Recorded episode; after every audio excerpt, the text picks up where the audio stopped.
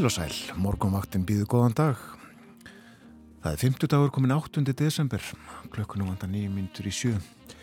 Um sjónamenn morgunvaktarinnar þennan morgunin Gíja Holmgeistóttir og Björn Þó Sigbjörnsson.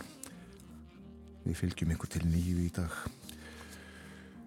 Og við hugum að veðrinu, allt með hefðbundnum hætti hjá okkur þennan morgunin. Það er frost á fróni. Þó ekki þannig að loðið í æðum okkar frjósi með sínist sjöstuða frost vera þar sem kaldast er í byggð. En uh, í Reykjavík var 60 frost klukkan 6, heiðskýrt, hægur vindur 3 metrar á sekundu. Afskaplega fallegt gott að koma út í daginn eins og síðustu morgna. 60 frost líka á Kvanneri, einstíksfrost í stikisólmi 5 metrar þar, allskíjað. Tveggjastega frost á Patrísfyrði og einstýrsfrost í Bólingavík, 6 metrar í Bólingavík, norðaustan. Einstýrsfrost á Hólmavík og uh, hér er komin nýr aðtugunastæðurinn á kortið Littla Ávík, einstýrsfrost þar. Tveggjastega frost á Blönduósi, tveggjastega frost líka á Söðunisvita, lítilsátt að snjókoma á Akureyri og þryggjastega frost, þryggjastega frost á Húsavík, þryggjastega frost á Rauvarhöfn, á Víða þryggjastega frost. Ögn kaldar á skjaldingsstöðum, fjórastega frost þar sem og á eilstöðum, allskíð á eilstöðum, norðvestan 5. Og þryggjastega frost bæði á höfni Hortnafyrði og á Kvískerjum og vindfræðin þar 7-8 metrar á sekundu eitthvað svo leiðis. En sjöstega frost á Kirkjubæðaklaustri, fimmstega frost í Árnesi og förum við þá til Vestmanæja og upp á Stórhauða og þar var einstegs hiti klukkan 6 hægur vindur. En uh, frostið uh, alltaf 11 gráðum á álendinu svona viðræði klukkan 6 en Gíja, ertu með veðurspót dagsins? Já, svo sannlega Veðurhorfur á landinu í dag eru svohljóðandi. Það er norrlæg 8, 5-10 metrar á sekundu en 8 til 13 með austuströndinni og yfirlegt 8 til 15 metrar á sekundu í dag. Jél á norður og austurlandi en annars létt skíjaða mestu. Frost 0 til 10 stig, mildast við ströndina en lægir smá saman sent á morgun og dregur úr jæljum. Og veðurhorfurnar á morgun förstu dag það eru norðan 8 til 15 metrar á sekundu á morgun og jél norðan og austanlands en annars létt skíjað. Frost viða 1-7 stig en frostlaust siðst. Það er svona svipu spái kortum núna fyrir þessa, þessa daga en það mallar svona í kringum frostmarkið um allt land og ég sé hérna á korti vegagerðarinnar að það er hálka eða bara um all land. Já. Ég finnst hálka að hálku blettir segir í skeitunum og uh, svo er við snjóþekja á leiðum á norðausturlandi og munum við þá að það var lítilsátt að snjókoma á Akureyri fyrir 50 mínutum allavega og, og er kannski enn og það er eitthvað um snjóþekju líka við eigilstaði en annar staðar hálka. Það er íminnslegt á daskra hjá okkur á morgumaktinni í dag. Við ætlum að uh, tala um þjónustu við aldraða en uh, breytingar á henni voru bóðaðar í vikunni og við ætlum að fóra einnast aðeins meðraða um málið. Við verðum líka í útlöndum bói Ágússon verður hjá okkur í dag. Það er jú 50 dagur og hann á nýja tímanum sem hann var á í síðustu viku verðum við okkur klukkan halv átta ekki eins og síðustu 2-3 árin eitthvað svoleiðis klukkan átta. Nei, bói ég sest hjá okkur klukkan halv átta. Og uh, fleira, við ætlum að tala um výðernin virði výðernana en uh, nokkuð er rætt um það uh, virðið það er að segja. Og mikilvægi výðernana núna í uh, tengslu við umræður um vindmilugarða sem að margir vilja reysa víða. Við ferum betur yfir dagskraf þáttarins eftir fréttinnar sem að koma eftir rúmar fjórar mínútur.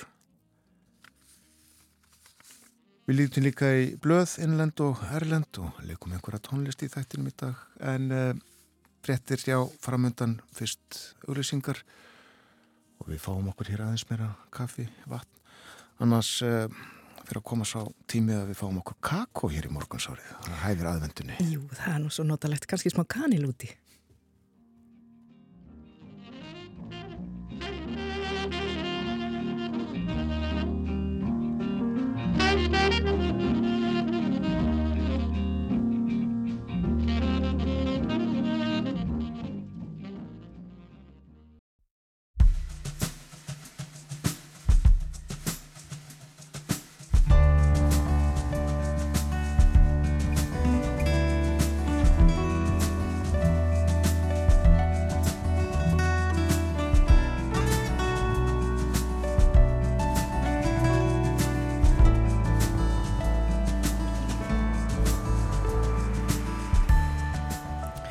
Morguvaktin helsar og býður góðan dag. Í dag er 50 dagurinn 8.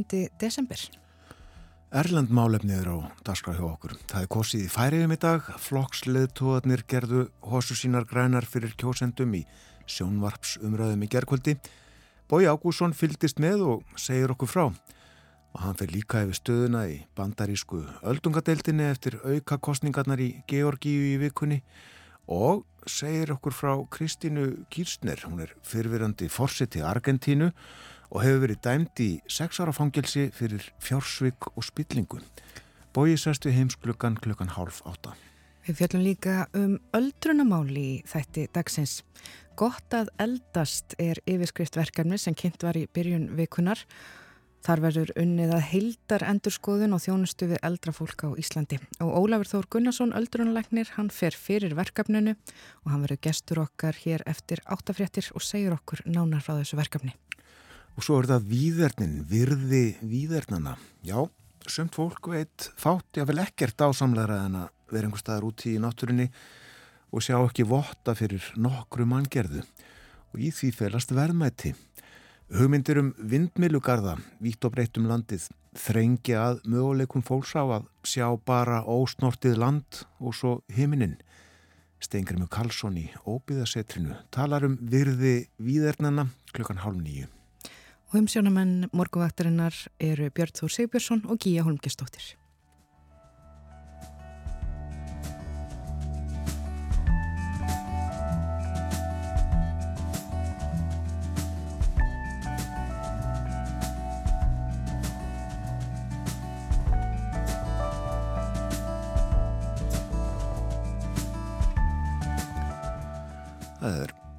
Svolítið svalt á landinu og uh, verður í dag en uh, bjart á stórum hlutalansins kannski einhver smáur koma fyrir austan, norðaustan. Hálka á þjóðvegum meirið að minna öllum og uh, líka á götum í þéttbíli og ég trúi að það þurfi að skafa af bílrúðum fólk hafi það í huga. Getur verið hálf líka á gangstjættunum En já, 50 dagur í dag síð á setni hluta vikunar förstu dagur á morgun og svo helgi. Við tökum fram dagblöðin.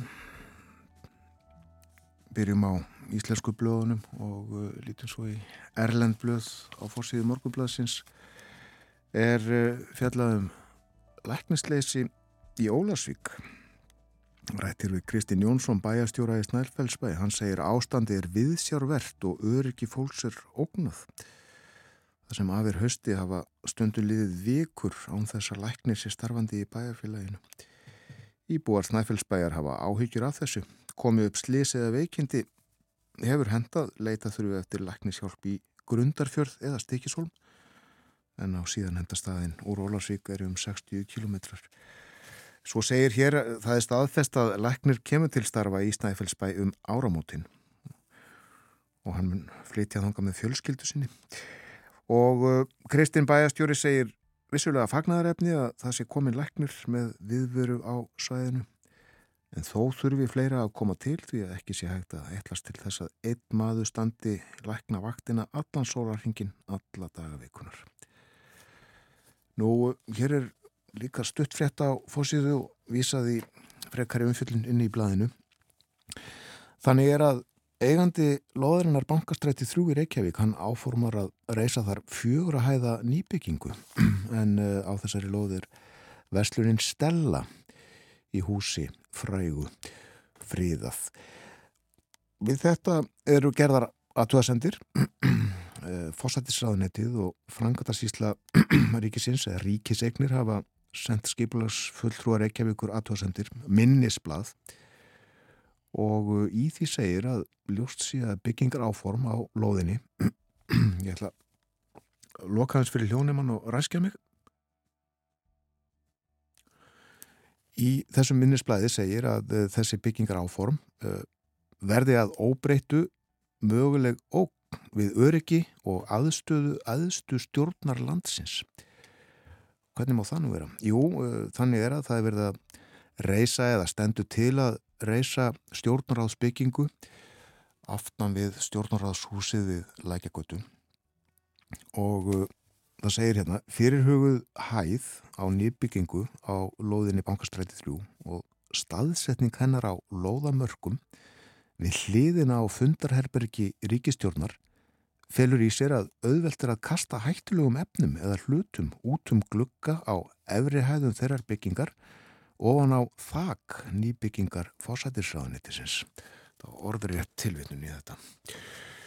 Og uh, Fossíðu mynd morgublaðsins tekinn þarna skamt frá á Arnarhóli þar sem að stittan af Ingólfi landnámsmanni er upplýst og uh, þetta er ónetalega býstaflott mynd og uh, textin, ja, hann er ágættur landnámsmaðurinn stendur vaktina á sínum stað á Arnarhóli hvað sem verbolgu, kjærasamningum og stýrivöxtum líður en það valdi hans ég búsettu í Reykjavík á sínum tíma eftir tilvísun guðana frekar en duttlungum mannskeppnunar.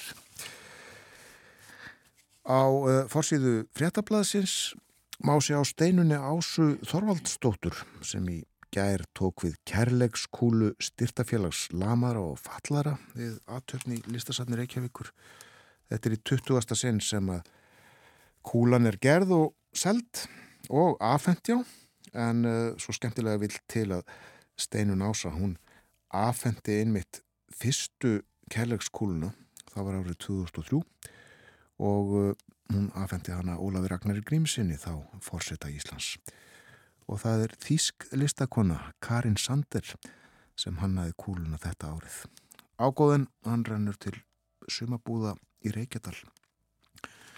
Og á fórsíðu fréttablaðsins er uh, fjallaðum þessa makalösu hækkun á húsalegu hjá Ölmu sem er fyrirtæki sem að, eh, á íbúðir og leigir út. Það verið eh, sagt frá þessu í fjölmjölum eh, núna fyrir vikunni frá Brynju Bjarnadóttur sem að leigir hjá Ölmu og hefur gert lengi lengi. Borgaði um 250.000 kalla á mánuði en fekk núna á dögunum tilkynningu um að það þurfti að hækka leguna og það um 75.000 krónur.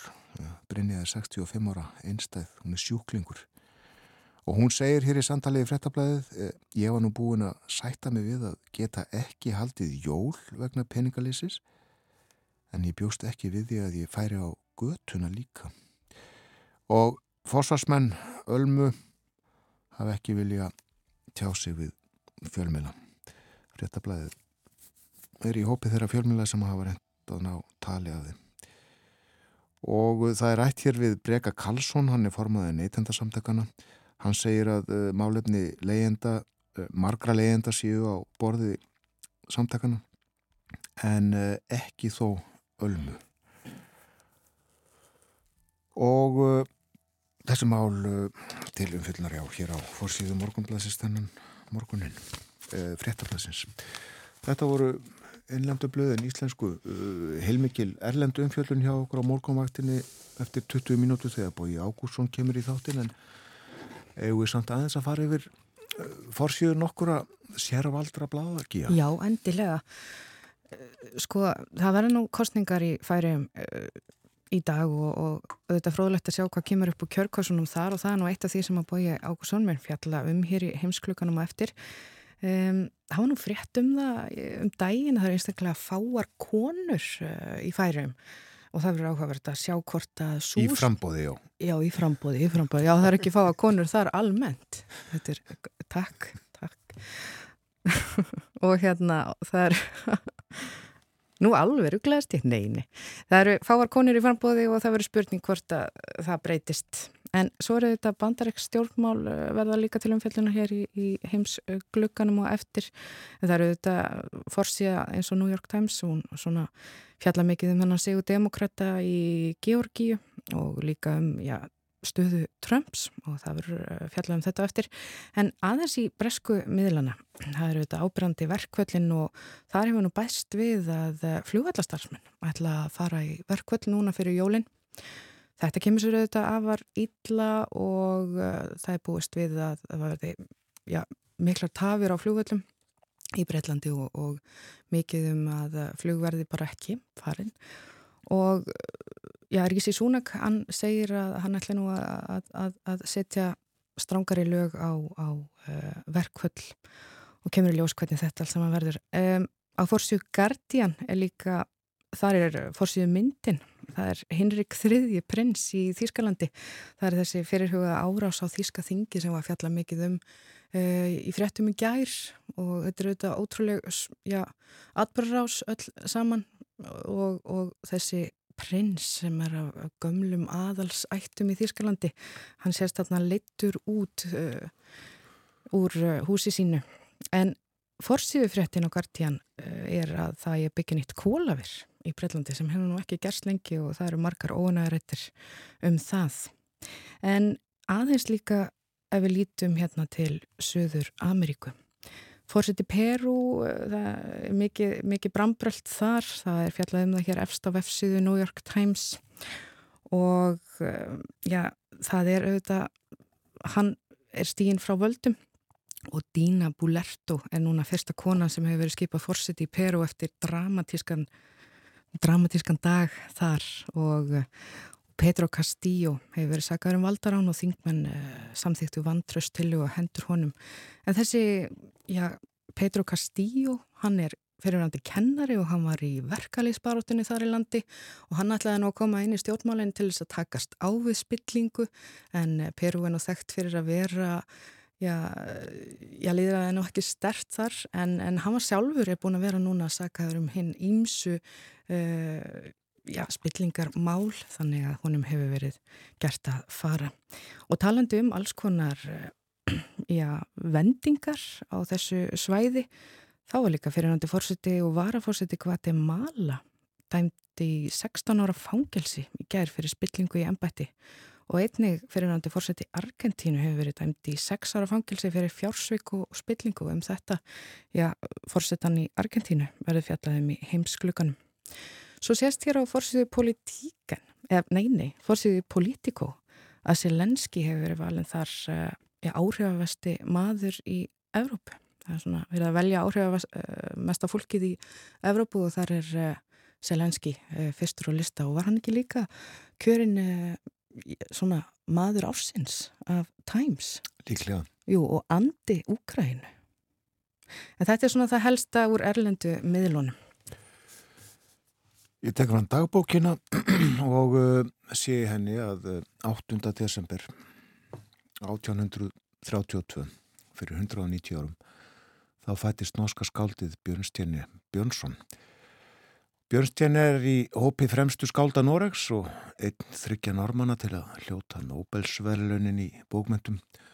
Þau fjalli honum í skaut 1903, þá voru þau veitt í þriðasinn, en setna hlautu Knút Hamsun og enn setna Sigrid Undsett. Hún var endar dönsk en flutti tveggjara til Noregs og er í alfræðaritum sögð dönsk-norsk. En Björnstjernir skrifaði skáltsugur og orti ljóð, orti til dæmis Já, við elskat eftir landet sem nú er þjóðsöngur Noregs og meðal skáldverka hans sem þitt hafa verið á íslensku eru Kátur Piltur, Sigrún á Sunnukóli og á Guðs vegum. En Björn Stjærni er lest 1910 þá 77 ára og það ár byrtist í skýrni grein um skáldjöfurinn sem að Jón Jónsson skrifaði. Þetta er mikil grein og ég ætla að hafa hérna yfir fyrsta kaplan upphafið aðinni. Tvísvar hefur Noregs að marki verið getið í menningarsögu mannkinsins og er langt á, í milli. Á setni hluta nýjundu aldar og á setni hluta nítjöndu aldar. Í fyrraskiptið fóru norskir vikingar um höfin með ránum og ófriði, hjöggu, strandtök, brendu og brældu, lögðust í eigjar og annes og þóttu vágestir miklir. En er aldir runnu liðu flest af þessum vikingabælum undir lok og óknir og aðtapnir vikingarna fyrntust og glemdust alþjóð manna. Í síðara skiptið báru rít snillingar Noregs nafn þjóðarsinnar um víða veröld og önnu sér og henni þegn rétt í hug og hjarta allra mentaðra manna.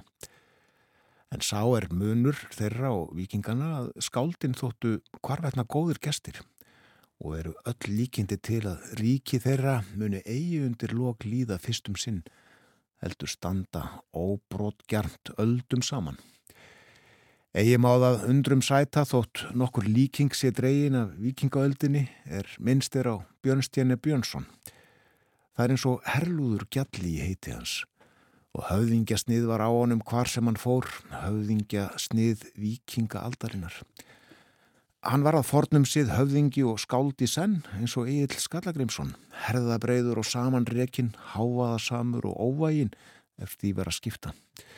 Sterkur eins og rándýrið sem tvínemt er í heiti hans stýgur hann fram í endurminningunni höfuð mikill, einbeittur á svip og fránegur. Svo hveður Georg Brannes að orði. En heiti hans felur annað og meira í sér en þetta. Hann er einnig kendur til stjörnunar og að makleg heitum því að hann beitir jafnan styrk sínum í þjónustu háleitra hugssjóna. Þetta kynlega nafn sem ærið myndi allægis efni ef óvalin maður bæri ber hann með rendu því að það er eins og sínilegt tákn af eðli hans. Honum hlær hugur við hættum og aflraunum og þótti eigi smámennum hlenda leggja sig undir ramma hans en hjarta leitar jafnan upp á við herra og herra. Styrkurinn eitt sér þykir ærin kostur en styrkurinn í þjónustu heiminborina hugssjóna er töfra afl sem allt verður að lúta. Það var segur aflið sem að dróð þúsundri manna að fótskur hans. Hann fullnægði í bókstallegasta skilningi, kröfu Emersons spekingsins nafntogaða, errópaði í sífellu til landa sinna, beittu stjörnu fyrir vagninðin. Já, svona var skrifaðum Björn Stjænja Björnsson, Björnsson fyrir löngur, löngu, 190 ár í dag síðan hann fættist. Og uh, við höldum okkur í Nóri, hlustum á uh, lag, nost lag, hér er sungið um vetrarkominu. av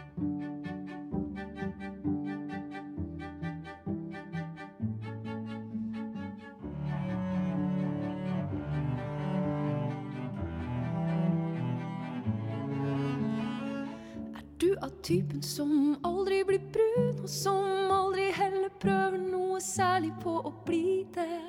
Blir du ansett som en kjedelig kujon fordi du stort sett ikke gidder å bade?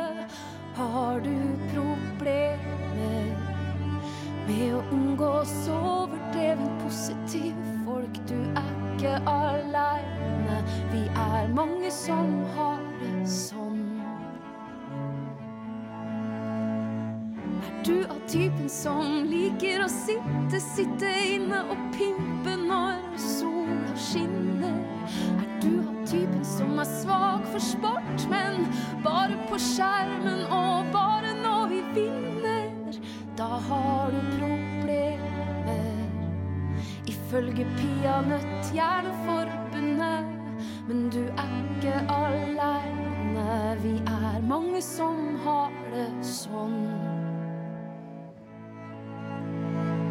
Folkens, jeg kommer med nyheter. Jeg må få be om absolutt stillhet. Ventetida er over, det kommer til å falle snø i natt. Her kommer vinteren. Her kommer den kalde, fine tida. Her kommer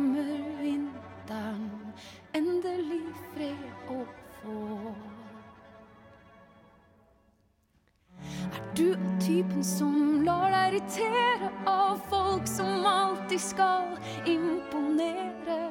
Har du et kjøleskap, ja, har du en TV, ja, da har du alt som du trenger for å leve. Her kommer vinteren, her kommer den kalde, fine tida. Her kommer vinteren,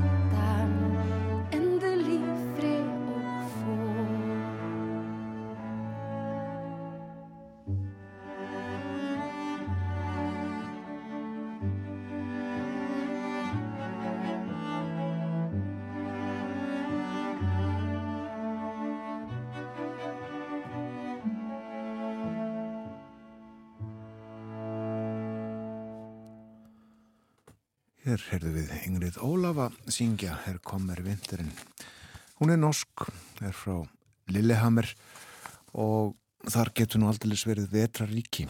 Já, en vetraríkið er nú víðar í Skandinavíu þessa dagana. Það er hérna á fjalla um það að fórsýðu politíkana að það er snjór núna í Danmarku og það hafa verið mörg umferðarslýs í morgun, var sagt. Og ég tók nú eftir því í morgun hérna þegar þú fórst yfir Já, veðri klukkan 6 að það voru mínus þrjárgráður víða á landinu í morgun hér á Íslandi. En það var líka í Danmörku. Víða klukkan 6, þar í morgun voru mínus þrjárgráður. Og þar er uh, frost líka í uh, tölutna þar.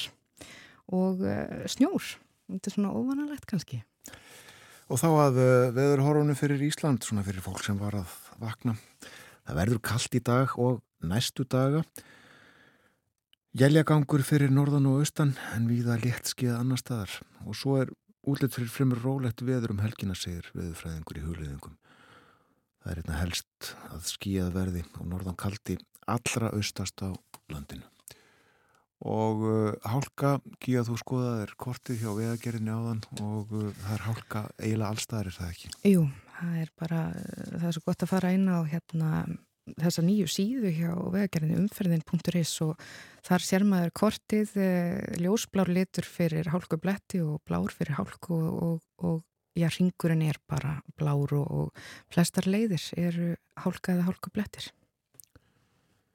Hér eftir frettæðuflitið sem að kemur eftir tæpar fimm minútur sest Bói Ágúrsson niður með okkur, sest við heimsklukan Erlend málefni til umfjöldunar, uh, við ætlum að tala um kostningarnar í færium, þær fara fram í dag. Uh, við ætlum líka að tala um þennan dóm sem að fjalli yfir argentísku stjórnmálakonunni. Í vikunni hún var fórseti fyrir fáinu meirum árum og er nú varafórseti en uh, var dæmt fyrir fjársvik og spillingu og svo aðeins um bandarísk stjórnmál.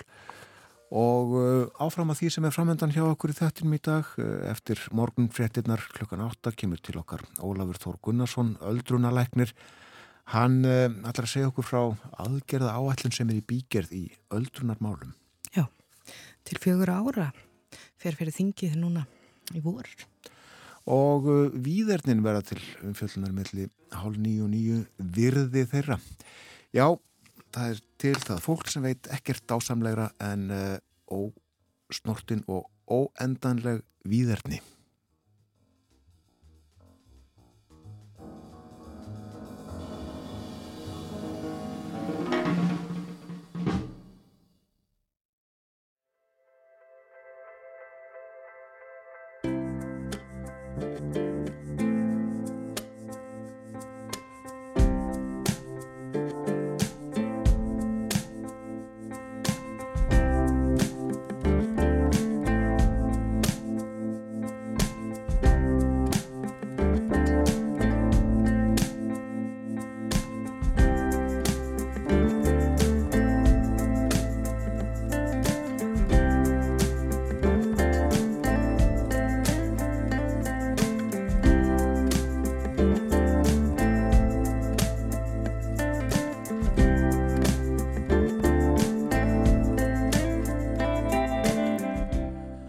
Aftur þér það að hlusta á morgumvaktin á Rás 1. Það er 50 dagur í dag, 8. desember, klukkan rétt liðlega hálf 8.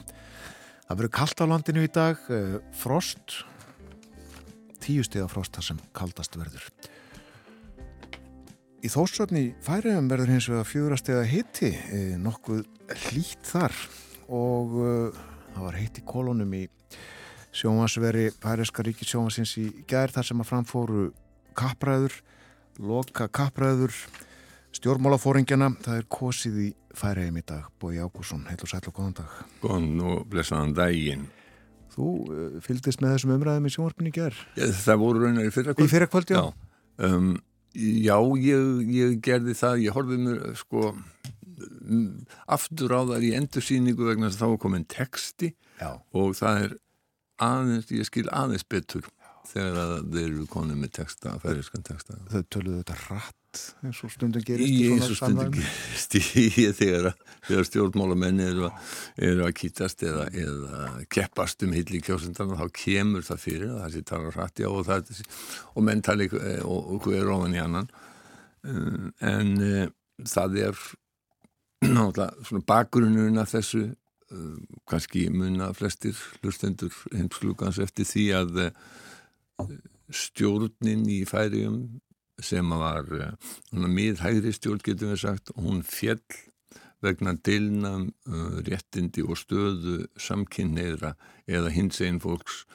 Og uh, það var svona getum við sagt mjög eindregin prinsip afstafa í enis af Rana sem var metamál og utanrikiðsráður og miðflokksins hans sem ekki vilja viðurkenna að hjónaband geti verið annað heldur í samband Karls og konu. Þeir tólka biblíuna mjög bóstaflega, þeir eru mjög mikil bókstafstrúar kristið fólk og uh, þegar að það var ljóst að þarna væri ekki hægt að finna neina lausna þá og eftir ymsar yfirlýsinga Jénis þá var hún bara einfallega vikið úr stjórninni og uh, það reyndist ekki möguleiki að mynda annars konar meiri hlutastjórn þannig að það var að búið allir nýra kostninga. Já. Það er svona tæft ár eftir af kjörtímanbyrjunum og það er kostningar eru núna. Akkurat.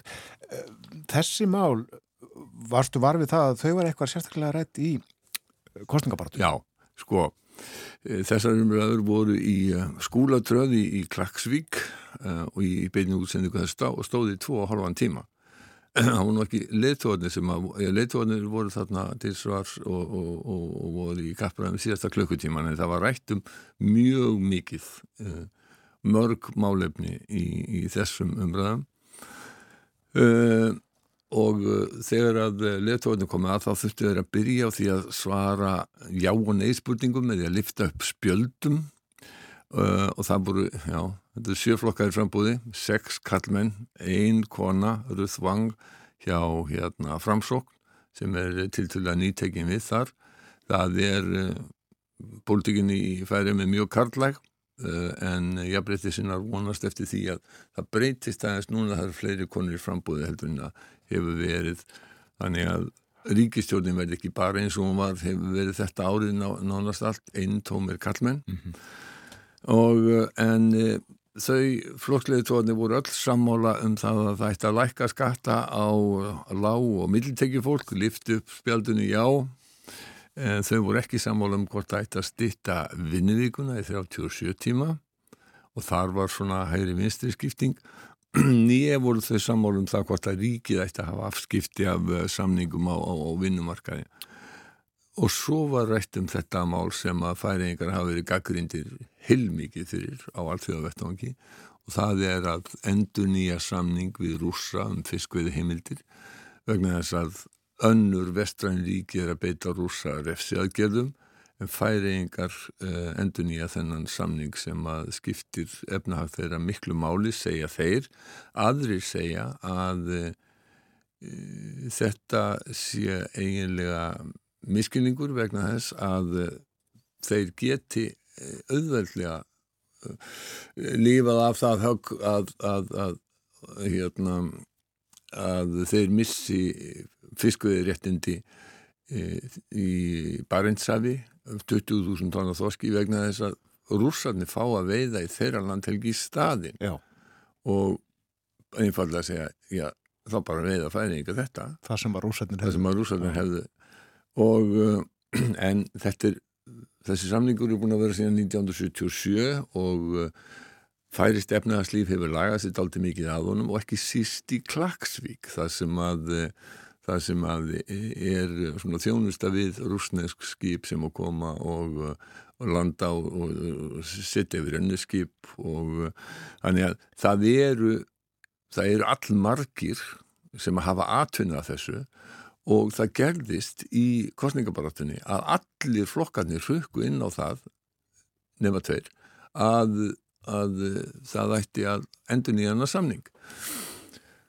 Og uh, þessi tveir voru hérna sjálfstýriflokkurinn og, og, og miðflokkurinn Jenis Arana. Jenis Arana er prinsipmaður og uh, hans prinsip, hann víkur ekki tráð þeim. Og hann, í þessu tilfelli þá segir hann bara að þetta sé móralst óréttlætanlegt alveg eins og hann varði löngum tíma í þessum umræðum að tala um réttindi og fættara barna vegna þess að hann vil alls ekki að þungunarofslögjöfin sem að gildir í færum og er mjög gömul og mjög gamaldags og langt aftur fyrir aftan það sem við þekkjum á Íslandi eða í Danmarku hann vil alls ekki að það veri gerða neina breytingar á henni. Um, Jénis af Rana eins og við töluðum um þegar Hjálmar Átnarsson var hérna hann er læknirament en hann er sannkristinn og, og, og hérna og er með þætti í útvarpi þar sem hann býður fyrir fólki og já já það er enn sem sagt sko Sá sem að var spurðu þarna fyrst um þetta var Samál Pétur í grund formadur sjálfstýri flokksins um, og uh, Samál Pétur við skulum heyra fyrst í honum hann var spurður nú var þetta í Klagsvík hvernig hann þyrði að lýsa yfir því að hann var í andvígur endunni um fiskviði samnings við Rúsa Jeg spurte i om, om Russland, som var Petter, hvordan tar du at standa her i Klaksvik og sier at vi skulle ikke samråst vi, vi russar? Jeg tror ikke at det er rett. Hvor er det rett? Ja, tror ikke det er moralsk rett. Vi skulle ikke gjøre softmaler ved kruksbrottsmann. Vi skulle ikke selge moraler for kapitalen. Vi skulle ikke avrøye oss som falskland, karra og kapital. Så skulle vi gjøre oss til vi skal røyne med Russland. Ég þóra að segja það af því að það er rétt. Það er siðföðilega rétt, segir hann, og við eigum ekki að gera samninga við styrskleipamenn eins og norðaða og kannski sem er hafa greint, ekki selja móralinn fyrir kapitalinn. Og uh, þannig að uh, sko færiska stjórnin og uh, lámaðurinn Bárður og Steik, þeir leituðu með samstöðu með stjórnarnanstöðin áðurinn að samningunum var framlengtur og Axel Vaffi Jóhannesson formaði jafnaðamann og fyrirvændi lámaður sem var í stjórnarnarstöðu núna uh, hann sagði að stjórnmálavenn bæri ábyrð á atvinnulífinu að fólk hefði störf að, að fólk þitt að gera eftir þessi hvernig land og þjóð uh, þau, vildi að færi engar yrðu. Mm. og svo sagði hann að jafnaðar menn vildi ekki endur nýja fiskviði samningin á næsta ári ef að það yrði ennþá stríð í, í hérna Úkrænu eh, en sko mér fannst nú á ég ekki að vera að kveða upp dómið við stjórnmálamönnum í öðrum löndum en mér fannst bæði hann og Högni Hóidal vera svona já þeir voru að, rétt, að reyna að réttlæta það að þeir hefðu flokkar þeirra hefðu skipt um skoðun og, og, og, og vildu vildu gera þennar samning til ássi viðbútt, högnin fór, fór út í það að segja sko þetta veri utanrikkismál og færingar ættu bara að taka sínu utanrikkismál að sér. Eh, hann er sko fyrir þjóðveldi sem er sjálfstæðis eh, flokkur sem að vil fullt sjálfstæði. En einhverju hluta vegna þá fannst mér málflutningu ekki mjög samfærandi og svona eiginlega daldið um, eftir áskýringar en umræðan þarna var bísna fjölu við skulum heyra þessi Axel Jóhannesson þegar hann er að réttlæta þetta Vi tar øysene apur av vinnene, at han mann ikke noen tar virkje som virker av fiskene på en. Men spurningene er, hver vil jeg være som land?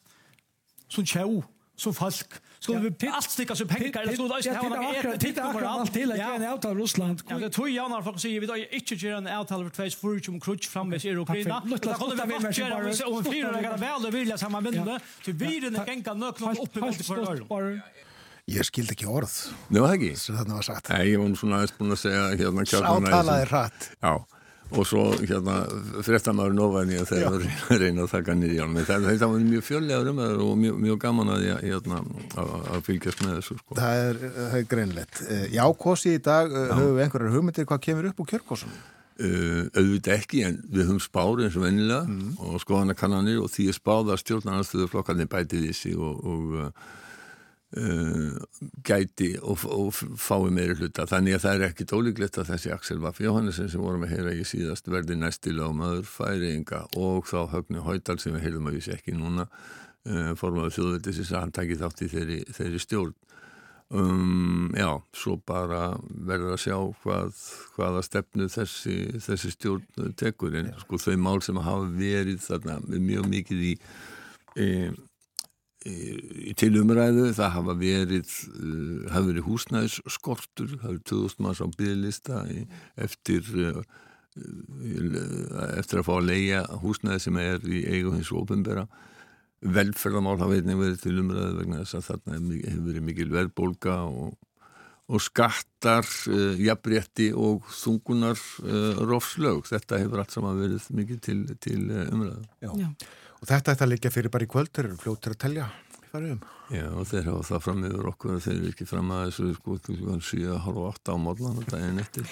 Þeir verður ekki svona þrjá tíma hjá þau? Jó, það, að, að gerir það sko en þeir náttúrulega telja öðru þeir safna ekki saman allkvæðanum þeir sko færir reitt kjöldæmi og það er talið á hverjum kjörstað Förum bóðið stutlega til bandrækina. Það voru þessar auka kostningar í Georgi og þess að kjósa þar aftur uh, milli uh, tvekja það var svo mjótt á munum í, í kostningunum þarna í november. Já, já. Það, þannig að það í Georgi að þar verða frambjöðundu til öldungadeildarinn að fá helminga atkvæða og uh, hvorur eh, frambjöðundu á stóruflokkuna fekk það þannig að það þurfti kjósa aftur og þær kostningu voru í gæð Þetta eru dýrustu öldungadeildaþing, eh, kostningar til öldungadeildaþingsin sem að fram hafa farið í bandaríkjónum. Eh, það var einhverja gífurlegar uppæður sem hefur verið varið í þessari kostningabaröfni og það náttúrulega báðir flokkarnir lögðu mikið undir.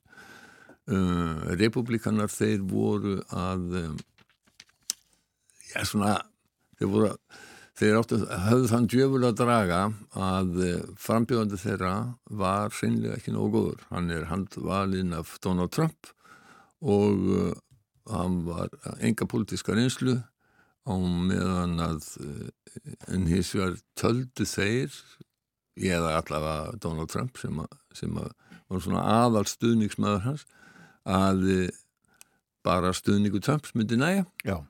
En Rafael Warnock, Sierra Rafael Warnock sem er prestur, þrælmentaður prestur í þeirri kirkju sem að Martin Luther King uh, var prestur, ef ég mann eitt um, hann uh, er mjög mælskur og kemur vel fyrir hinn er hinn, er það er liður án og kæfturinn hinnum en, en, en hann mm það hann, hann er fyrir svona þá sem að standa utan þessa þá er hann mjög síður í Já. En hann kandidat. er nú mjög vinsæll í Georgi fyrir svona íþróttaðarleik og, og bara dáður. Já, já, hann er, það, hann er það. Og það var einn af þeim kostum sem að, mm. sem að, sem að republikanu töldu að myndi nægætli þess að hann, hann myndi vinna. Þetta er gummul fútbólta hetja Og bætin andar léttar Biden og demokraterna enda létta þó að missi sem beinti til þess að það verður þetta næsta áru verður nú ekki sérlega létt fyrir þá. En þau hafa núna 51 uh, sæti af 100 og þurfu ekki að kalla uh, varafórstann Kamala Harris til þegar að uh, allt er komið inn út í, í í öldungadeildinni. En sko fulltróðdeildinni en þá þannig að uh, þar eru republikanar með nauman meiri hluta Já. þannig að þetta hafur ekkert auðvelt líf fyrir Joe Biden og uh, hans uh, hans já, að koma sínum málum í gegn sko. Það er en þetta var mjög hörð kostninga bara þetta mjög lung eðlum orðið samkvæmt vegna þess að endur tekinn kostningabaráta og Warnock var, var, var kjörinn bara fyrir tveimur árum í aukakostningum þá. Þannig að síðan er hann búin að vera í prófkjöri, hann er, hann er ekki búin að gera annað á undanförnum heldur en að standa í kostningum og, og í þakkaræðu sinni þá, þá hérna þá eiginlega kristalleiseraðist getum við sagt breytingar sem að hafa orðið á Georgíu uh, bara á æfi móður hans. Hann þakkaði móður sinni sérstaklega og uh, benti á það að hún hefði Eh, alvegst upp og, og, og í sinni vinnu verið að týna uh, bómull fyrir aðra, tóbaksplöntur fyrir aðra á þessum ekrum, þetta, þetta gamla í Suðuríkjanum, í Bandaríkjanum og það þarf ekki að taka fram að, að hún er svart, þau eru svart um, en núna væri hún í því að uh, velja, hann segja pikk, hann notaði pikk, pikk, pikk, núna, núna væri hún í því að velja öldungadeilda þingbann fyrir bandaríkja þingbann. Heyrim aðeins í honum þegar hann talaði um þetta. I want to say thank you to my mother who is here tonight. She grew up in the 1950s in Waycross, Georgia, picking somebody else's cotton and somebody else's tobacco. But tonight she helped pick her youngest son to be a United States Senator. Hjartnæmt. Sko, það er ímsið sem segja að það að Donald Trump valdan eh, og það að eh, frambjöðundu sem að voru svona sérvaldir, handvaldir af Donald Trump, þeim gekk ekki óskaplega vel. Um, það hafi vikt stöðu Trumps sem að uh, eins og NBC sjónvastöðun saði í umfjöldun sinum úslitina að þetta væri slæmar fettur við Trump. Það, hann hefði valið Herschel Walker og aðri frambjóðundur sem hann hefði stutt frá Arizona til Pennsylvania hefði ekki náðu kjörið og tapað uh, og republikanar hefði tapað að sæti í öldungadeildinni og þetta vekti spurningar um stöðu Trumps bara nokkur um vikum eftir að hann lísti frambóði í fórsettukostningunum 2024 The Republicans' runoff lost more bad news for former President Trump, who handpicked Walker. From Arizona to Pennsylvania, candidates backed by Mr. Trump not only failed to win back the Senate for Republicans, but ultimately cost them a seat. All of it reigniting questions about Mr. Trump's political capital, just weeks after he announced a 2024 White House bid. Þetta var um bandarísk stjórnmál. Já, svo Við... þar ekki var Trump, eða Trump, fyrirtæki Trumps að fá á sig dóm fyrir skattsvík. Það er alltaf eitthvað. Já, já, já, já. Við förum uh, í söður, uh, konaðinend Kristína Kirchner. Já. Og hún er argentísku stjórnmálamæður. Já, já, hún er aðal liðtögi í peronistarhefingarinnar þar sem að kendi við Juan Perón sem að uh, rendi var lísfónik áföstu minni mig þegar hann rendi völdum og satt lengi að völdum í, í Argentínu á, um, á uh, fjórða, nei á fymta og sjötta áratug uh, síðustu aldar. Um, hann náttúrulega þekktur vegna, ég nú til dags kannski hugsanlega vegna konu sinnar sem var dómi ung, uh, Eva Perón uh, sem var leikona og, og, var svona, uh, var svona mikil stjarnar og, og var kallið Evita og um hann að gerðu Tim Rice og Andrew Lloyd Webber frægan, frægan hérna, söngleik. Dyrkuð og dáð. Dyrkuð og dáð var hún. Eh, en hún dó mjög ung setni konans eh, hérna sem heit Isabella svona til þess að reyna að koma þessum Evitu ljóma á hana þá, þá, þá hérna, leta hann kalla hana Isabellitu en sem sé sko það er hefð fyrir því að konu séu sterkar innan þessara peronistarhefingar og um, Kristina Kirchner hún tók við völdum eftir að maður hennar Nestor Kirchner dó, hann var fósetti og hún var fósetti frá 2007 til 2015 minni mig. Og svo var hún varafósetti núna eh, frá 2019 held ég að hef verið. Og hún er sem sagt fundin seg um mútuþækni og spillingu í útlutun stórverkafna uh, ríkisins að þetta er aðalega í vegagerð til einhver sérstaks vinasins og við erum að tala um sko 150 miljardar íslenskra króna. Wow. uh, Já, þetta er, þetta þetta er ansi, ansi mikið. Og hún alveg eins og uh, Donald Trump heldur því fram að réttarhöldin gegn sér séu, séu bara tómar áfsóknir, pólitískra áfsóknir og uh, það er uh, einfallega intakið í málflutningi hennar en það kom daldið óvart að hún sagði að hún ætlaði ekki að bjóða sig fram á næsta ári. Hún getur það vegna þess að málið fer í áfríun og uh, það tekur umtalsverðan tíma og það að hún var dæmt í fangilsi hún var líka dæmt til þess að, að hún mætti ekki sitja bjóða sig fram uh, í ofnbært ennbætti uh, en það hefur ekki tekið gildi fyrir en að uh, hæstiréttur eða áfríðinaréttur hefur staðfesta þannig að hún hefði getið gert það en hún ætlar ekki að gera það sá og hún sagði í, í ræðu eða sérst í, já, á varpi þá sá hún að þeir, það væri rauninni verið að dæma efnahagsstefnu hennar uh, ekki hana sjálfa og uh, vegna þess að, að hérna, vegna, hún vildi jöfnuð og hún vildi vítamundir styrkja þá sem að minnst mættu sín. Um, þess vegna væri verið að dæmana og að sex ára fangilsusdómurinn væri ekki hérna, raunverulegi dómurinn raunverulegi dómurinn væri sá að hún mætti ekki bjóða sér fram. Heyrum hann að tala um þetta Me condenan porque condenan un modelo de desarrollo económico y de reconocimiento de los derechos del pueblo. Por eso, por eso eh, me condenan. Pero no, la condena no son los seis años o la cárcel. La condena real que dan es la inhabilitación perpetua a ejercer cargos políticos electivos. Já, þetta er bara pólitík, segir hún. Þetta er bara pólitík og ekkit annað. Og en sko, efnahagsástandið í Argentínu er skelvilegt, verðbólgan verður sennilega 100% núna og samkvæmt úttekt í Economist að þá er þetta bara, þetta er, þetta er einfallega óstjórn, efnahagslega óstjórn og það mór svo sem segja það að vera efnahagslega óstjórn í Argentínu í meirinn 100 ár. Við, um, um aldamóti 1900 þá er Argentína eitt af allra ríkustur löndum heims.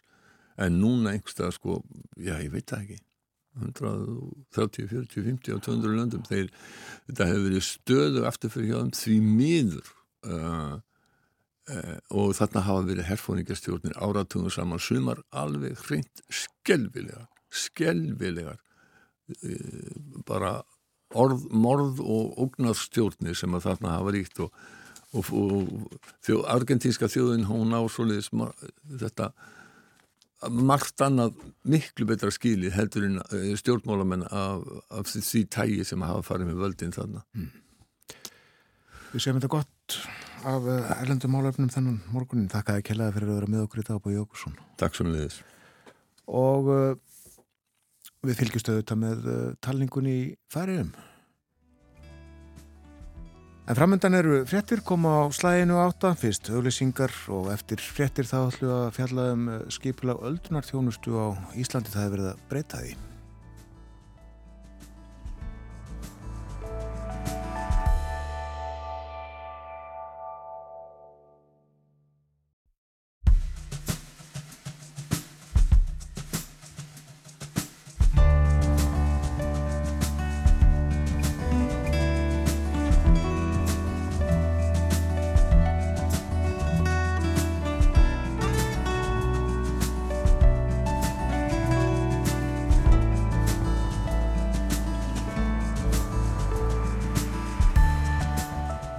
Sælaftur þér það hlusta á morgumaktin á Rás 1.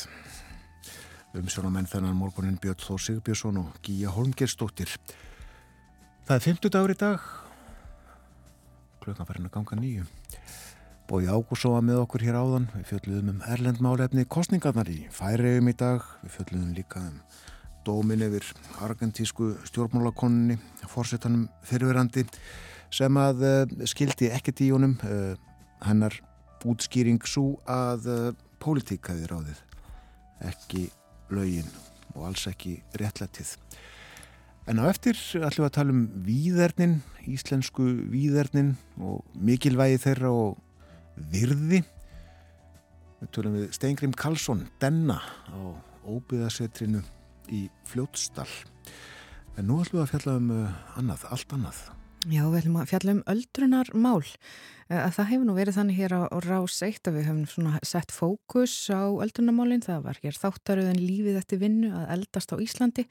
Hef um sem Guðrunar Haldanadóttur það sem að kafa svona aðeins ofan í kerfið. En um, þá nú að, að gera breytingu þarna á og, og Eh, samþætta þjónustu í, í öldrunumálum en á mánudaginn þá var haldinn opinn kynningafundur þar sem kynnt voru drög að aðgerðar áætlunum þjónustu við eldra fólk. Þetta verkefni ber eh, heitið gott að eldast og er já, svona heldar endurskoðun á þjónustu við eldra fólk um alland og við ætlum aðeins að kafa ofan í hvað þetta alls saman, eh, um hvað þetta snýst og hingaði komin formaður verkefnastjórnarinnar Ólafur Þór Gunnarsson, öldrunalegnir Verður sæl, komið sæl. Já, takk fyrir og takk fyrir að, að sína verkefninu áhuga og, og, og hérna og, og bjóða mér að spjalla við ykkur. Gott að eldast. Eh, hvers vegna þessi titill? Það er eiginlega ekki hægt að kannski svara því öðru sem að segja alla setninguna, það á að vera gott að eldast. Mm. Það er vegna þess að þetta æfiskeið á eins og önnur æfiskeið að vera okkur fagnarefni og ég hef stundu sagt svona bæði í gamnu alvöru að það er alveg öruglega skára heldur en hinn valkosturinn. Þar að segja daginn sem við hættum að eldast að þá förum við yfir á annað tilverustík og þess vegna á þetta vera gott eins og önnur uh, æfiskeið og, og við eigum að uh, hlakka til þess tíma þegar við erum orðin hókin af reynslu og og uh, getum deilt með samfélaginu en þá hefur samfélagið svolítið sérstaklega kannski á síðustu hálfu öld eða eitthvað svolítið eða síðustu hálfri öld þá hefur það kannski meira og meira mæli haft svolítið tilhengu til að jáðarsetja eldra fólk, uh, sérstaklega fólk sem er farið að vinnumarkaði. Og uh, þá kannski ef mitt hafa vakna spurningabítu er samfélagið að gera eldra fólki óþægilega erfitt fyrir að njóta uh, þess tíma þegar að það á í rauninni að vera uppskera eftir, eftir uh, undangengin ár og, og, og hérna og þess vegna er þetta svona, þetta er svona áréttun má ég segja, við erum svona árétt að það að þetta æfiskeið á að vera jafn gleðilegt og indislegt og, og önnur æfiskeið geta verið. Mm -hmm. Og það er nú akkurat kerfið og þetta hvernig maður, uh, já, út af því að þetta eldra fólk þarf oft já, tölverða þjónustu mm -hmm. og hvernig svona kerfið spilar inn í þetta allt saman. Segðu mér aðeins bara hvenar hófst vinnan við þetta verkefni og hvert er svona markmið? Já, við uh, verkefnisjóðinni skipuð í uh, júni uh, síðastliðin og svona undirbúinisvinnan hófst strax þá en síðan fer verkefnið að stað á fullu í ágúst. Og við erum búin að vera verkefnisjóðinni skipuð af og reynar mjög vel skipuð. Hún er, hún er og skinsamlega skipuð skulle við segja. Það eru fulltrúar úr fjármarraðatinu félags- og vinnumarkasáðanitinu og velfráðanitinu og síðan eru hagaðilar eins og samband Íslandsk sveitafélag þannig með fulltrúa og, og eins uh, landsamband eldri borgara það er að segja hóparnir sem að sem sagt, þurfa að okkar viti að, að vinna saman til þess að, til þess að uh, verkefni geti hefnast vel. Við erum í rauninni að fara á stað með verkefni sem að við sjáum fyrir okkur að eigi að vera til margra áratuga. Verkefni sjálft er því er afmarkaðu tímarammin næstu fjögur árin með að við erum að sagt, fara í, í þessa aðgerra áallun sem að við verðum vantalega löð fyrir þingi á vorþingi.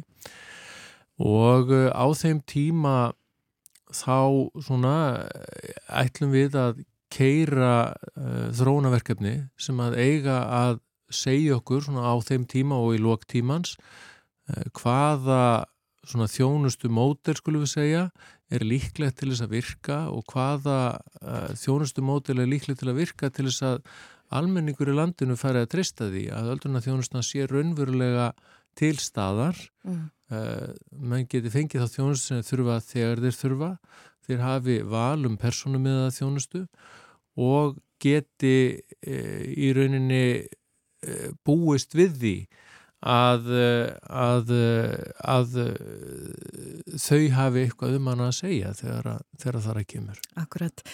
Það hafa verið margar skýrslur uh, skrifaðar um Já. þessi mál um stöðu öldruna þjónustu.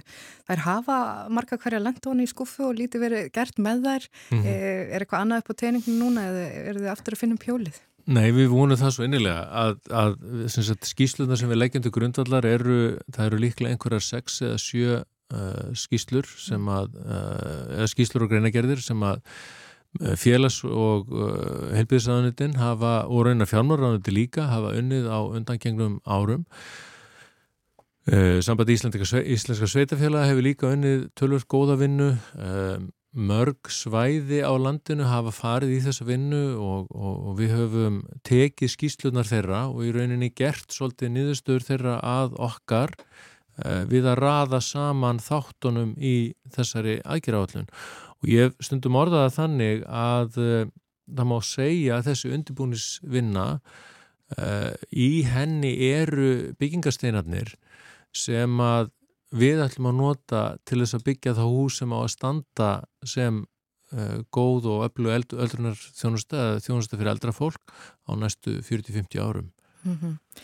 Þú sagðir þann að já, það eru margir eh, í þessari verkefna stjórn eða sem koma að þessu úr ólíkum áttum hefur samráðið verið mikið, hafið þið farið og tala við eh, þjónustu veitendur um all land og líka já, þetta eldra fólkið? Já, það uh, hefur verið mjög mikið samráð á þessum tíma. Við hefum farið á nokkra stað út á landi uh, bara til að tala við heimafólk, mm. uh, meta aðstæður og skoða aðstæður.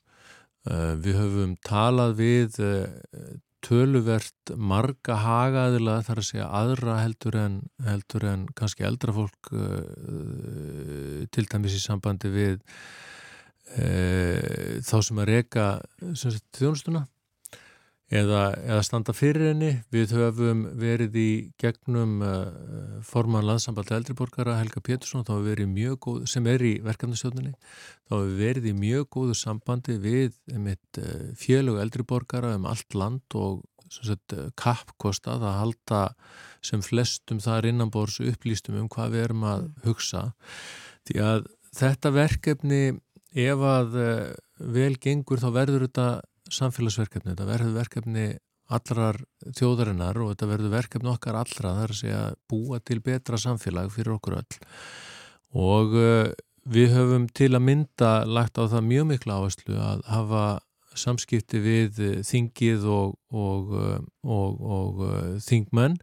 Við erum búin að halda fund með velferðanemnd, erum núna að byrja að eh, halda fundi með þingflokkonum á, á alþingi og það sem er kannski öðruvísið þetta heldur en kannski ofta áður er að við erum að setja uh, við erum að setja á fundi með þingflokkonum áður heldur en að máli fyrir inn í samráðskáttina. Það er til þess að undistrykka það að við viljum að það fái öll tækifæri til að uh, koma að verkefninu uh, á undirbúinustugum mm. menn geti gefið okkur góðar hugmyndir að því að það eru svo sannarlega góðar hugmyndir átt núti og við fáum ekki allar bestu hugmyndirnar en, en eh, við okkar verkefni er í rauninni að taka þær saman og, og, og, búa til eh, segja lífanlega áallum til langs tíma um, um þjónustu við þennan mikilvæg þjóðfélagsóp. Eh, það var haldinn kynningaföndur núna á Já. mandaginn og hann var hansi vel sóttur og, og hann var líka í beinu streymi á, á, á vefnum og mm -hmm. það mhm. voru margir sem viltust með því þar. Mm -hmm. Kemur þessi áhug ykkur á óvart?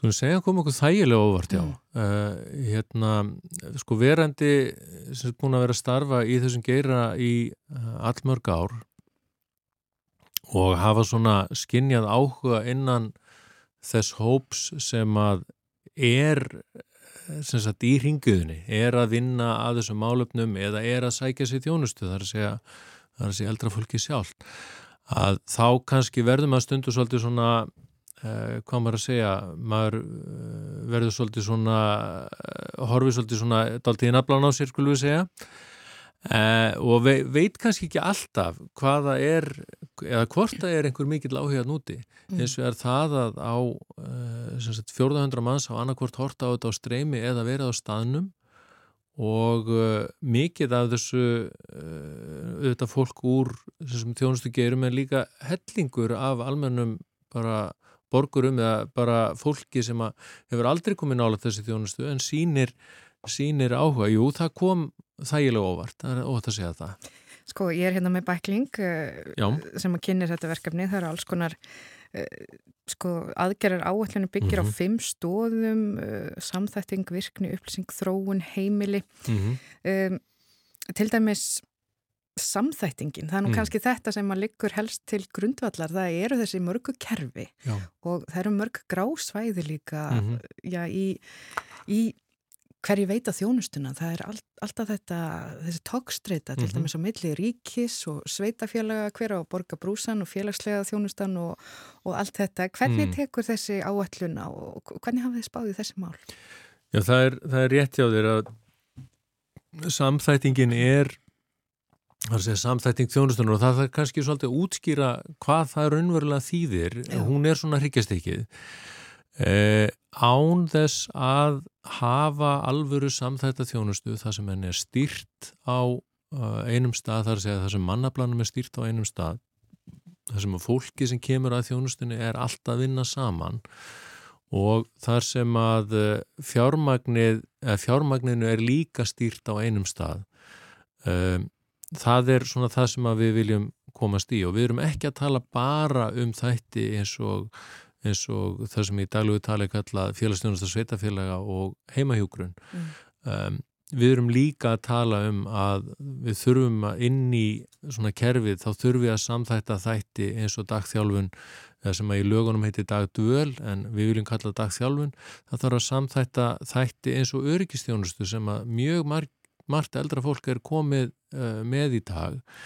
Uh, og það er bara svona til þess að taka eitt pínu lítið dæmi að því að þá er það að mörgu leiti svolítið sérkennlegt eins og staðan er í dag að, að uh, eldri uh, einstaklingur sem að til að mynda dettur heima hjá sér og ringir á öryggisnafnin sinn og fær aðstóði að komast aftur á fætur eða, eða komast aftur um, uh, í, í, í rúmi sitt eftir aðtökum eða hvernig sem það er.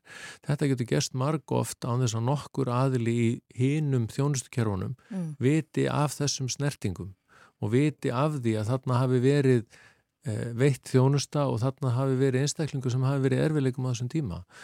Uh, þetta er eitt þátturinn. Uh, það skiptir líka mjög miklu máli fyrir uh, heimaþjónustuna og, og heimahjúgrun að samvinnan og samskiptin við dagþjálfanirnar séu sterk og öflug og eitt af verkefnunum sem við erum að tala um er til dæmis það að reyna að gera uh, dagþjálfunina uh, þannig úr gardi að, að, að hún verði miklu persónumiðari heldur en hún er í dag. Hún geti, það þurfi til dæmis ekki allir að mæta með 8 og 10 á mótnana og vera til klukkan 3 eða 4 á daginn, heldur með í vika þetta svolítið út, þannig að einhver, einhver geta mætt uh, að morgni og, og einhver geta mætt í hátegi og menn þurfi ekki endilega að mæta alla daga vikunar.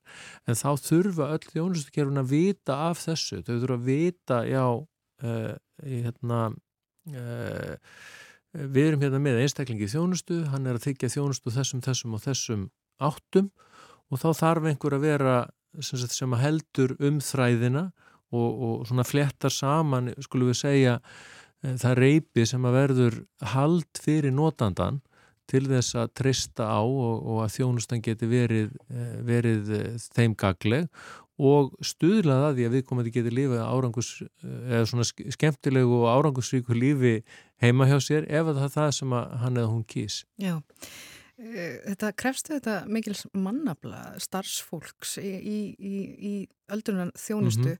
að hefur verið já, erfitt að fá fólk til þess að vinna innan öldunan þjónustuna. Þetta er Mhm. svona það hefur verið eitt af, eitt af svona það sem maður hefur heyrt. Er það eitthvað sem þið hafið spáð í eh, í þessu verkefni? Já, við hefum mikið spáðið það og við erum uh, nokkuð vissum það að þegar að uh, menn fara í meira mæli að vinna þessi verk saman þá verður náttúrulega miklu skemmtilegra að, að, að, að sinna, uh, sinna þessu starfi það er að segja að menn fá hugmyndir frá hinum aðlunum sem er að veita þjónustu menn tala saman og verða þá, sagt, það verður í rauninni, það má eiginlega segja að þetta sé svona munurinn á agri sem hefur verið plæður og, og versus agri sem hefur ekkert verið plæður. Það er að segja, það eru, það verður alls konar til þegar fólk byrjar að tala saman og þegar fólk byrjar að vinna saman. Og þegar að það fyrir að hugsa þjónustuna í meira og meira mæli út frá notandanum að þá verður það miklu miklu skemmtilegri vinna.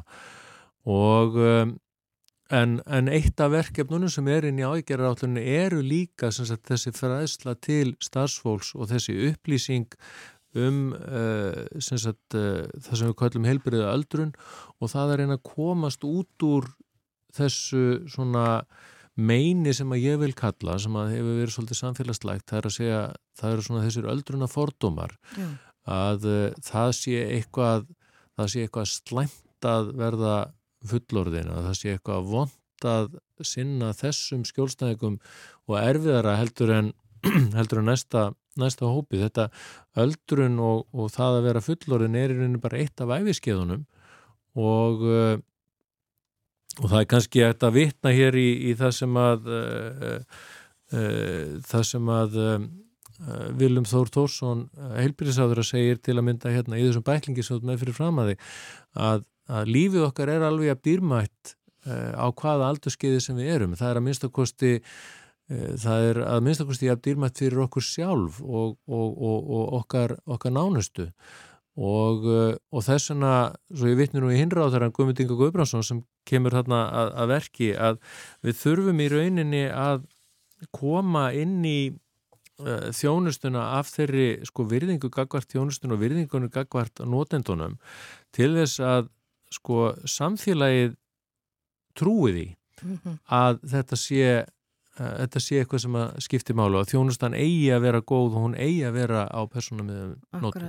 Já, þetta er auðvitað fögur fyrirheit og, mm -hmm. og svo þarf þetta að koma sér framkvæmt og þú tala mikið um tröst að fólk þurfi að, að treysta kerfinu Já. og það er greinilega langtíma verkefni. Já, og það er svo sannarlega, sko, þið, maður þarf ekki að fylgjast mikið með fjölmjölum á Íslandi til þess að einmitt að, að upplifa vantröstið sem að, sem að, uh, að minnstakosti hluti almennings uh, ber til kervisins og, og ekki að ófyrir sínu, en það eru því miður sorglega dæmi og hafa ítrykka komið upp sorglega dæmi þar sem að þjónustukeiðan hefur hreinlega rofnað mm -hmm. og það er eitthvað, ef þú ætlar að láta fólk vinna með þér og, og, og, og fá fólk til þess að trúa því að, að það sé ekki bara í, í, í skemmtilegu verkefni heldur sé það líka, búið það líka við öryggi, þá má þessi þjónustu keði aldrei rofna. Og þess vegna er svo mikilvægt að það sé einn þjónustu gátt, þannig sem fólk leitar, það sé stjórnað frá einum stað, þannig að þegar að aðstæður hins eh, aldraða í þessu tilfellum eh, breytast að þá byrji ekki einhver ný ringavillis að við það að reyna að ná í sko næsta þjónustustig eða næstu tegund þjónustu og svo framvegis og framvegis heldur séu bara, já, það er hérna teimið sér að núna er hérna, núna er komin tíma á það að þú fáir kannski stuðning við lífeigjöfina, núna er komin tíma á það að þú fáir uh, hérna meiri endurhefingu heldur hún hefur verið að fá hinga til færnin er farin að bregðast. Uh, hvernig getur við hjálpað þér að ná aftur einhverju af þessari færni sem þú virðist að hafa tapað, hvernig getur við hjálpað þér að upplifa þig örugan í þínu umhverfi? Akkurat. Því það á að vera gott að eldast eins og þessi beklingur segir hildar endurskoðun og þjónustu við eldra fólk. Takk fyrir komina ynga á morgunvektina Ólafur Þór Gunnarsson, öldrunalæknir og segja okkur frá þessu verkefni og það er vonandi að, að, að það verði breytingar. Ég vona það svo sannlega og vonandi fá við áfram jafngóða stundingu samfélaginu hinga til.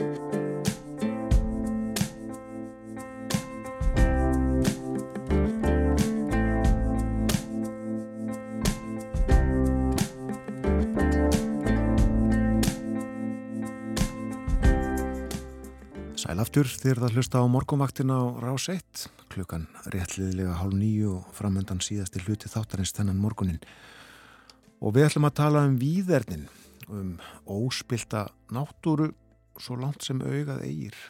Blessunarlega er enn hægt að fara víðað um Ísland og sjá ekki neitt nema land og heiminn og jú kannski stöku kind eða reyndir og fuggla en ekkert manngert hugmyndir um vindmilugarða víða um landið kunna spilla þessum möguleikum eða fækka þeim. Það má segja að sé sótt að výðernunum výðernin eru vermætt en þau eru kannski líklega þess eðlis að það er erfitt að setja á þau verðmiða. Steingrimur Karlsson í óbyðasetrinu í Fljótsdal þekkir výðernin vel og mikilvægi þeirra Denni eins og hann er kallaður, hann er í símanum heil og sæl, góðan dag. Já, góðan daginn. Já, við ætlum að tala um výðarnin og virði þeirra. Tilefnið er það að ég sáði blandaðir stuttlega í umræður á samfélagsmiðlum um fyrirallanir eða hugmyndir um að reysa vindmilugarða á fljótsdals heiði. Bara þarna rétt hjá þeir eða það ekki? Það er einlega bara allt í kringum mig. Það er hérna på heiðunum sko og það er þannig að búið að vera að sækjum leifi bara út sem all land og ansi svona bráðværslega hugmyndir nýsmanni í það og, og ekki, ámannist ekki tekið til til þess að við erum með þessa ómetralegu náttúru með og bara eins og bara síðast í gæs einmitt var framkvæmt að þau saminuð þjóðan að segja að mannkinn er orðið að gera einhver vopni gegn náttúrunni og það er komið tími til að semja friði náttúruna og, og það er ímestlegt sem að það er að sækja að henni og, og eins og bara Wildland Research Institute notaði alþjóðlega aðferði við að kortleika výðarnin og það kemur fram á Íslandi 40% af helstu ósnertu výðarnum Evrópu og það er ekkit smáraðið 43% af viltasta prosenti Evrópu á Íslandi. Og ef við lítum svona til markmiðum svona lífræðilega fjölbreytileika þá þá finnst manni mikil ábyrða okkar kynslu að výðarnin og að njóta viðendi enda til dæmis á vindorku verum og hann lá hún með þetta hérna ósumfjórnum náttúru til fjára, hún er alltaf í mínum huga alltaf ómyndalega þessum að hún er þessu takmarka og hverfandi magni. Já. En, en þessu aðeins kannski aðeins áformanum þarna aftur á, á fljótstalseiði millur myndur semst að blasa við þér og ykkur í óbyðarsetrinu þarna djúft inn í fljótstalum. Sko, þau sko myndmjölugarðarnir sem eru áform uppi hérna um í fljótstal munu sjást frá eins og hengi på sig skriðuklaustri og, og þaukarsmiðstöðinni og, og mjög gila hérna úr dalnum og, og mjög líklega í ákveðinu vindóttum líka heyrast í þeim. Þetta er 200 metra, þetta er næstu því þrjá hallingskirkjur og hæð og um 100 steipubílar sem fari í undirstöðun undir hverja þannig að þetta er taldið mikið rask og og og bara þetta er ekki komin einn lög og, og, og dæmi um, um vindmjölur á Íslandi.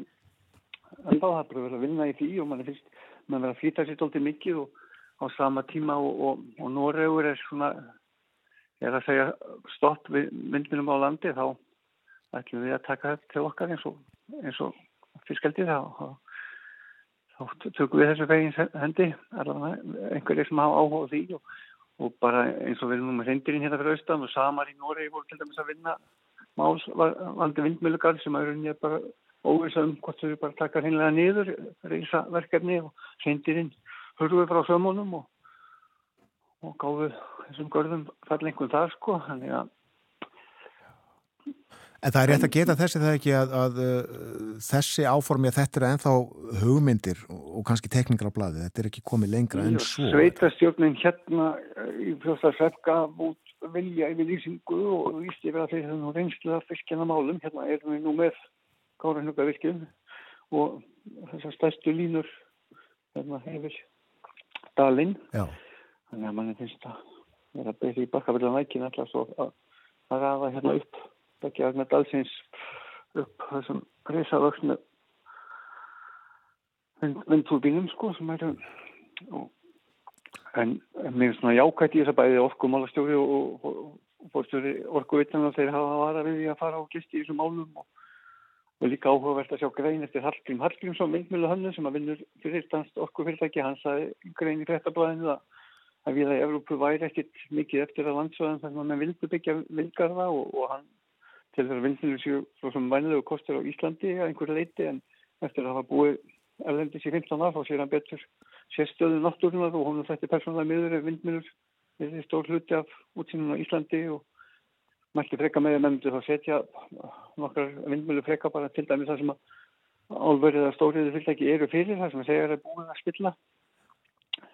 Þannig að það er sem betur verð líka rættir sem að vilja stíga varlega til jarðar í þessum efnum Emmett uh, Tölum aðeins um výðernin sem slík og, og uh, virði þeirra og, og dás, dásamlegheit Já. Hvað finnst þér svona heillandi við výðerni? Sko þetta er alltaf svona, ma- maður lendir ekki í rökkræðan um þetta og, og verðið og, og, og það, við þurfum nú að lifa og gera hluti en og það er svona svo mannskipnan þurfa alltaf að setja þetta í einhver bóks og, og það er svo Tó, Tómas Orti hérna í, í fjallgöngu, landslægir í lítils við það hétt ekki neitt, Mhm. það segir svolítið að því gaman svona tómum að, þó að menn verðist einhvern veginn þurfa að henda reyður á og setja alltaf einhvers konar hólf út, út frá bara mannskipninni og, og við þurfum náttúrulega það sem gerir óspilta náttúruna óviðfranlega er náttúrulega fjárverða hins manngerða og, og þessi einstakka upplifuna að við hefur ekki verið fóblað og, og þess vegna gilda að gera og lík lögmál sem um hálendi heldur er byggið við að sveitir og teppiliskerna og, og við höfum svona Íslendingar undir okkar vendarangar stærstu óspilluðu landsæði og það náttúrulega skapar sérstöðu og, verðmætti og menn náttúrulega hafa svo sem, já, fyrir að reynda að meta, þú veist, og að þetta meta verið náttúrunar að hára hann hátt í eins og þetta, svo sem, við að það verið við að fiskin eða megavakstundir, en það er, er verið að setja krónutöluna á bara á hitt og þó að svo sem menn hafi reynd og, og málþengi fyrir nokkuð árum var einhver hagfræðingur að meta hálendið á 80 miljardar, en ja, þetta er náttúrulega bara svona eitthvað sem er einvekli að mínum dóm ekki hægt að finna einhverja tölu á og, og hvernig metum við heinalofti sem öndum að okkur og, og hvernig metum við bara einleika gróðulendana og halda í, í vatn og hindra flóð og, og, og hennan lífræðilega líf, lífræðilega fjölbrekni ja. En þetta er bísna ríkt í okkur að uh, þurfa að setja vermið á allt. Já, ég veist vera það sko og við höfum, Íslendingar hafa barist svona fyrir menningalegri sérstöðu tungumálinu og, og, setni árum staðverðum um hafið og auðvænum það sko en nú er komið að að verja sjálfslandslæðið og, og ef við stundum ekki verðum þessi ósnöftnars svæði þá munum náttúrulega komandi kynsluði bara búa við manngert umhverfi og, og svo þróun er náttúrulega ekki afturkallanleg og þessi vindmjölu garðamölu sjást sko frá snæfelli og vatnaaukursókarri og, og blikka á nóttunni þannig að háta út af flugveilum það þurfa að vera þessu. Þannig að þetta er, er mun hafa verið áhrif og, og við horfum hérna á þetta svæð þá var ég til dæmis að fyndi í gær þar sem að það verið að tala um leitavélarnar og þá, þá var vatnaaukur sókarfur eða vatnaaukur sem kemur eftir upp í leitavélum yfir ákvæmkastæðu á Östurlandi sem að sýnir að fólk kann að meta þetta og leitar eftir einmitt þessum svæðum. Já Og þú eru auðvitað fengið til einn ferðamenn utan úr heimi sem að koma til þín gaggjert er það ekki til þess að njóta víðernana? Jú, jú, jú, það, maður, maður finnir það alltaf bara, það er það sem, já, já, gefur manni svolítið, en þetta ástafana til þess að vera í og að finna viðbröðið frá gestónum, hvað þetta er einstaklega upplöfun og fjöldi gesta til dæmis eins og í hestafettum hjá mér sem að komið, jábel ár eftir ár, bara að því að við kunna meta þetta og ná einhvern veginn að hlaða batterín og, og og held að mann skipna þau alltaf á náttúrun að halda og hvort sem er svona að, ekki bara hún, hún svona fæði okkur og heldur líka bara þetta and, andlega og, og slikt sko og, og þetta er náttúrulega svolítið erfið bara þetta sko þegar svona, í þessu stóru er ákveðin grænfóttur í gangi svona í þessum umhverfis málum náttúrulega það er orðin sem betur fyrirferða mikil hjá löndum mörgum löndum heimsins en á sama tíma sjá þá einmitt peningállin tækifæri þar og, og vilja stökkva það og hafa náttúrulega bakvísi mikið fjármakt til þess að lobbyast og, og, og, og kynna málin á sinn hátt og meðan þeir sem vilja setja spurningamerki og við erum oftast einstaklingar og kannski einhver sjálfbúða náttúrulega samtök þeir hafa úr minna spila til að koma sínum svona framfæri og og það er bara, já, þannig að það að koma út í réttum upplýsingum það var vandar svolítið til verka að finna það sko, finna já. eitthvað sem er huglaust Þetta er, þetta er uh, baráta og kannski maður segja erfið baráta og leikurinn svolítið ójafnið eða hvað? Mm, já, mér fyrir það svona, svona þess að sögla fyrir réttlænding fyrirtækjana snýst að þess að þessu að vindorkan sé svo græn og, og vindur er náttúrulega græn en, en vindmjölur til dæmis eins og þær eru unnar þá er samlega á turbínunum notur kól og olja og, og fá getur málmar sem að og, og einmislegt neikvægt í þærri vinslu, hún er alls ekki græn og, og gróna landið og rofið með tilhengandi áhrifum þegar við að setja þetta upp og vega kerfið og þessar miklu undirstöður undir myndmjöluna þá, þá er, er mikið raska því og þessi mengunni sem kemur af spöðunum þegar þeir fara að eða styrpa til nokkur áfækir sem ekki strax en svona þeirra líður á líftíman og, og það kallar hann það líka á að það þarf skiptum spaða með einhverju millibili og, og þeir eru með þannig blöndu epóksíu öðru að það er ekki enda komin leið til þess að endurvinna það þannig að þessi þessi þess að spaðar þetta er bara örðar að mestu leitt í dag. Ekki endurvinna. Það er í mislega tíðis en vindurinn er grætt, sagður, já, það er ágætt. og vatnið er grænt og við kunnum á vassorkunna og, og líka ímislegt svona ímislegt þetta spáið þar og menn ekki samála þar heldur en það er eitthvað sem við þekkjum og kunnum og erum og svo er líka svolítið lítið tala bara um eins og alltaf tala um til meiri orku og pressaða þá og, og það mun að vera staðrindin en en ég held að það sé að finna bæði betri staði og svo er líka lítið talað um bara orkur spartnað eins og til dæmis bara hjá okkur við erum með, varmadælur sem hafa lækkað tölverst orkunótkurna hjá okkur og fólk er bara að nota sparperur og, og íslendingar eru náttúrulega oft með bara öllu og skvæmt og opna glögga og við ákveðnir svona orkur sóðar í þýttiliti og, og gömlu álverðin fyrir sunnan það er spurning hvað sundum verður að tala um einmitt hvað hvaða líftími er eftir þar og, og, og orkuverin er náttúrulega nota 78% af orkulandsins þannig að þar er nú ekki færið að fá eitthvað inn. Já. hvað við veljum okkur að nýta okkar orku í sko. Ja, uh, Tölum aðeins minna Ramagn, uh, tölum um uh, dásendina þannig í fljótstalum hjá þér. Eru gestir hjá þér núna utanum heimi? Það eru við bættum hérna í gisting og bættum mann hérna hjá okkur. Það eru hópar svona kannski svona 17-18 daga af desember sem er þá komað í svona mat og læra um hópaðnar og fari báðu sig okkar að gista. Hann eða það er bara og er bara í allan vittur bara nokkuð stöðut svona að komaði hópar þannig að Já.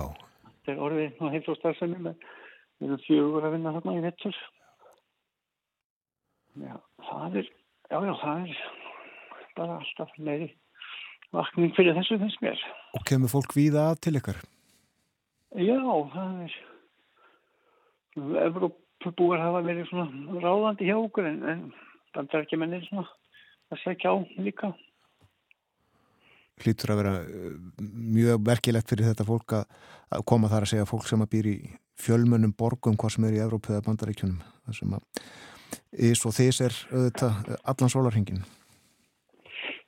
Já, já, það er einmitt sko varmættin hjá okkur líku ekki, ekki sko bæ, það er bæði jákvæmt og neikvæmt staðsetningin sko e, og maður lítur bara á þess að jákvæmt við erum afskekt sem að gera það verkum að við erum ekki alfara leið á sama tíma getur við þá búið upp á þessi gæði að fólk kemur við kyrðina á náttúruna og losna við ísinn og þessinn og og líka þá algengar að fólk komið til okkar og eða þá fleirin enn degi oft sko til að þá fara á ganga og, og fara á hestbakk og, og hjóla og einblýna á þetta þetta slott travel þessar svona, ekki mótordrifin mikið sko, og, og svona vikindingar með dölir að koma í gunguski að það er til ykkur að vetturna við með svona 4-5 dagaferðir og það er alltaf alltaf að sækja sér veðri þannig að líka gaman að hvað Íslandingar eru bara stóð hluti gesta. Akkurat. Við segjum þetta gott í byli. Kæra þakki fyrir spjallið. Já, takk sem leiðis. Bless, bless. Steingrimur Karlsson, Denni og Óbyðasveitrinu í Fljótsdal. Við töluðum um výðarnin og uh, mikilvægi þeirra virði výðarnana. Erfitt að setja á þetta vermiða. Við höfum samt einhverja þörf alltaf fyrir að setja vermiða á allt og alla. En uh, þau eru mikilvæg og eindisleg uh, gott að komast langt, langt í burtu frá uh, byggð og uh, bara leggjast og horfa upp í heiminn naga strá. Hér fyrir morgun var Bói Ágússon með okkur. Í heimsklukanum töluðum við meðal annars um uh, nýfallin dóm í Argentínu yfir stjórnmálakonu þar fyrirverandi fórsetta og uh, auðvitað töluðum við aðeins um uh, sögu, pólitíska sögu Argentínu og þegar farið er yfir hanna í stórum dráttum að þá hugsu við um evítu og við uh, ætliðum í morgun að uh, reyna að leika eitt lag úr söngleiknum Mikla eftir Andrew Ljótt Weber Tim Rice en uh, kom því ekki að. En gerum það nú. Don't Cry For Me Argentina. It won't be easy.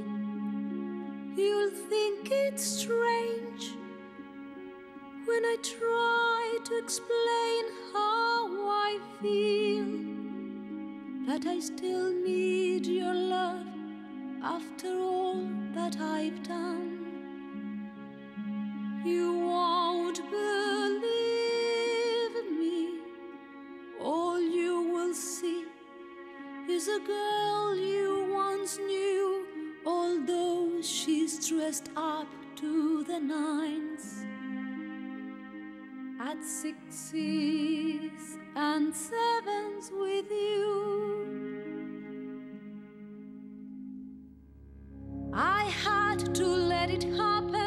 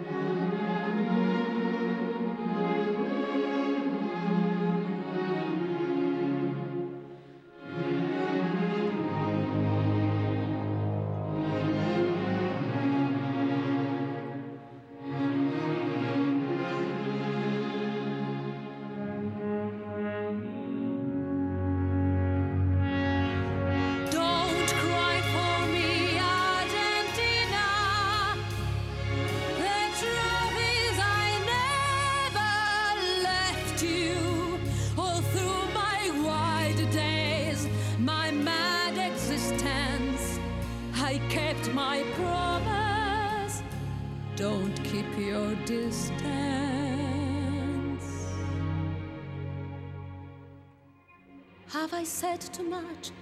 There's nothing more I can think of to say to you.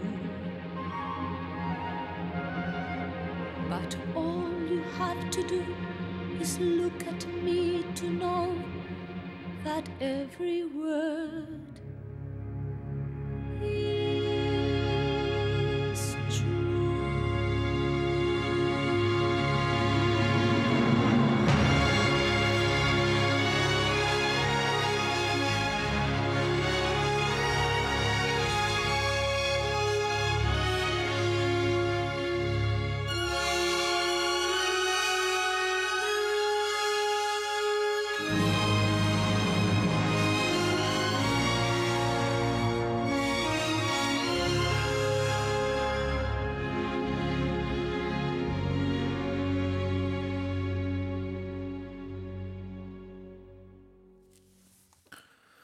Hann á leikið á blástúrsljóðfæri og strengjahljóðfæri og stóru pákurnar. Don't Cry For Me Argentina úr Evitu. Ég held alveg öruglega að uh, Julie Covington hafi sungið ef ekki að þá afsakið. Þetta var allavega skemmtilega dramatíst svona í morguns árið. Það komið að loka morgunvaktarinnar í dag. Klukkan alveg að verða nýju vantar uh, sex mínútur rétt rúmar. Við höfum setið hér síðan fyrir sjö í morgun Björn Þór og Gíja og gert ímislegt fjallaðum erlendmálefni með Boga Ágúsinni fjallaðum breytingar á öldrunarþjónustunni með Ólafið Þór Gunnarsinni lækni og hér síðast aðeins um výðernin með Stengrimi Denna á óbyðasetrinu í Fljótsdal. Já, en við varum hér aftur á morgun á okkar tíma á samstað eins og vanalega. Þakka samfélgina í dag og vonið að við vonum að þið njóti dagsins. Verðið sæl.